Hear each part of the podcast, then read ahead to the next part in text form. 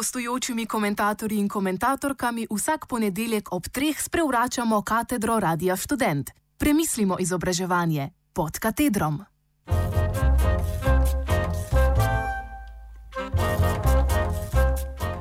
O univerzi, ki se vede kot utrujeni gostitelj.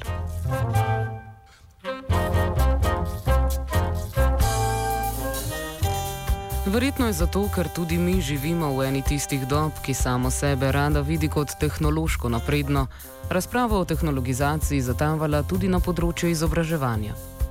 Zadnja leta se mi pogosto dogaja, da slišim koga z vso resnostjo in predanostjo razvijati teze, ki gredo v smer, da bi se glavnina izobraževanja v sodobnem svetu morala odvijati med človekom in računalnikom. V izogib morebitnim nesporazumom, Naj za začetek povem, da računalnikom ne zamerim ali očitam ničesar in da, bog ne daj, nikomor ne bi rada svetovala, naj se odreče pridobitvam napredka in se odpravi iskat zlati vek nazaj v Altamiro.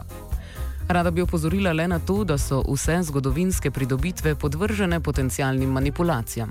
Zato se zdi preudarno rokovati z njimi premišljeno in občasno vsaj poskusiti obrzdati svoj entuzijazem.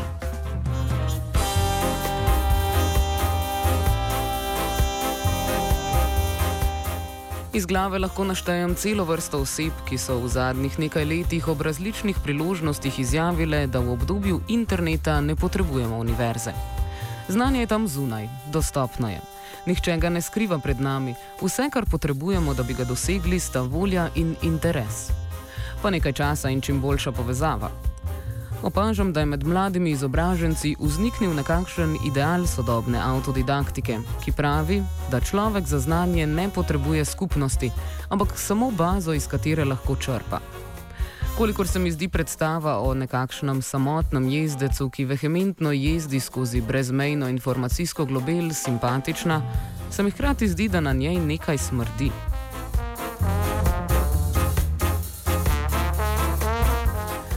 Ne gre za to, da ne bi verjela, da razumen človek iz poplave vednosti ne bi zmogel izluščiti tistega, kar ga najbolj zadeva. In da vsi in vsakdo nujno potrebujemo institucijo, da nas za roko pelje skozi neprehoden gost teorije. Ne gre za kanonizacijo tem ali za ponudbo. Kanon pograbimo z obema rokama ali mu vržemo rokavico v obraz. Gre za intelektualno skupnost, ki jo vse ta trušč generira.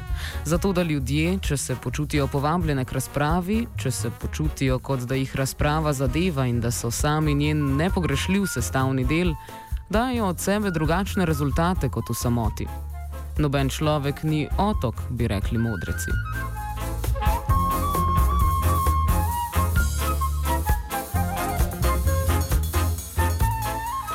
Skupnost odpira posebno polje, ki lahko nastane šele v dialogu in komunikaciji.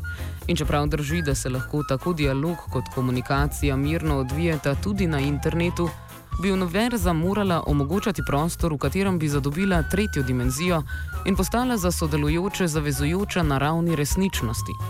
Rečeno zelo banalno, morala bi doprinesti faktor resničnosti, kar pomeni, da bi sama sebe morala vzeti za res.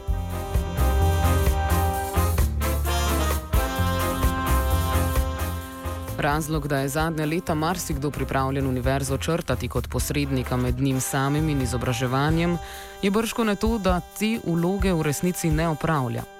Univerza zadnjih let ali desetletij, univerza, ki sem jo obiskovala sama, daje vtis, da so ji tako študentje kot proces izobraževanja in celo znanost nekako odveč.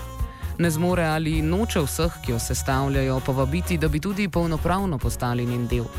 Vede se kot utrujen gostitelj, ki bi subtilno rad namignil, da je ura že pozna in da bi bilo morda najbolje, če vsi gostje v najkrajšem možnem času zapustijo zabavo.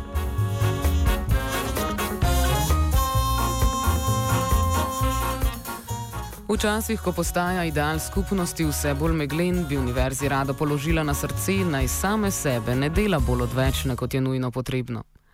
S tem nočem predlagati, da naj se poskuša transformirati v nekakšno tržno uspešno podjetje.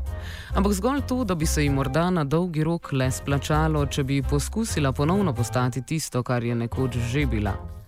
Intelektualno skupnost, ki posameznikom daje okvir, znotraj katerega lahko rastejo in možnost, da jo presežejo. Sicer se ji bo kmalo zgodilo, da bo nekdo končno uslišal njene nezavedne želje in jo milostno eutanaziral.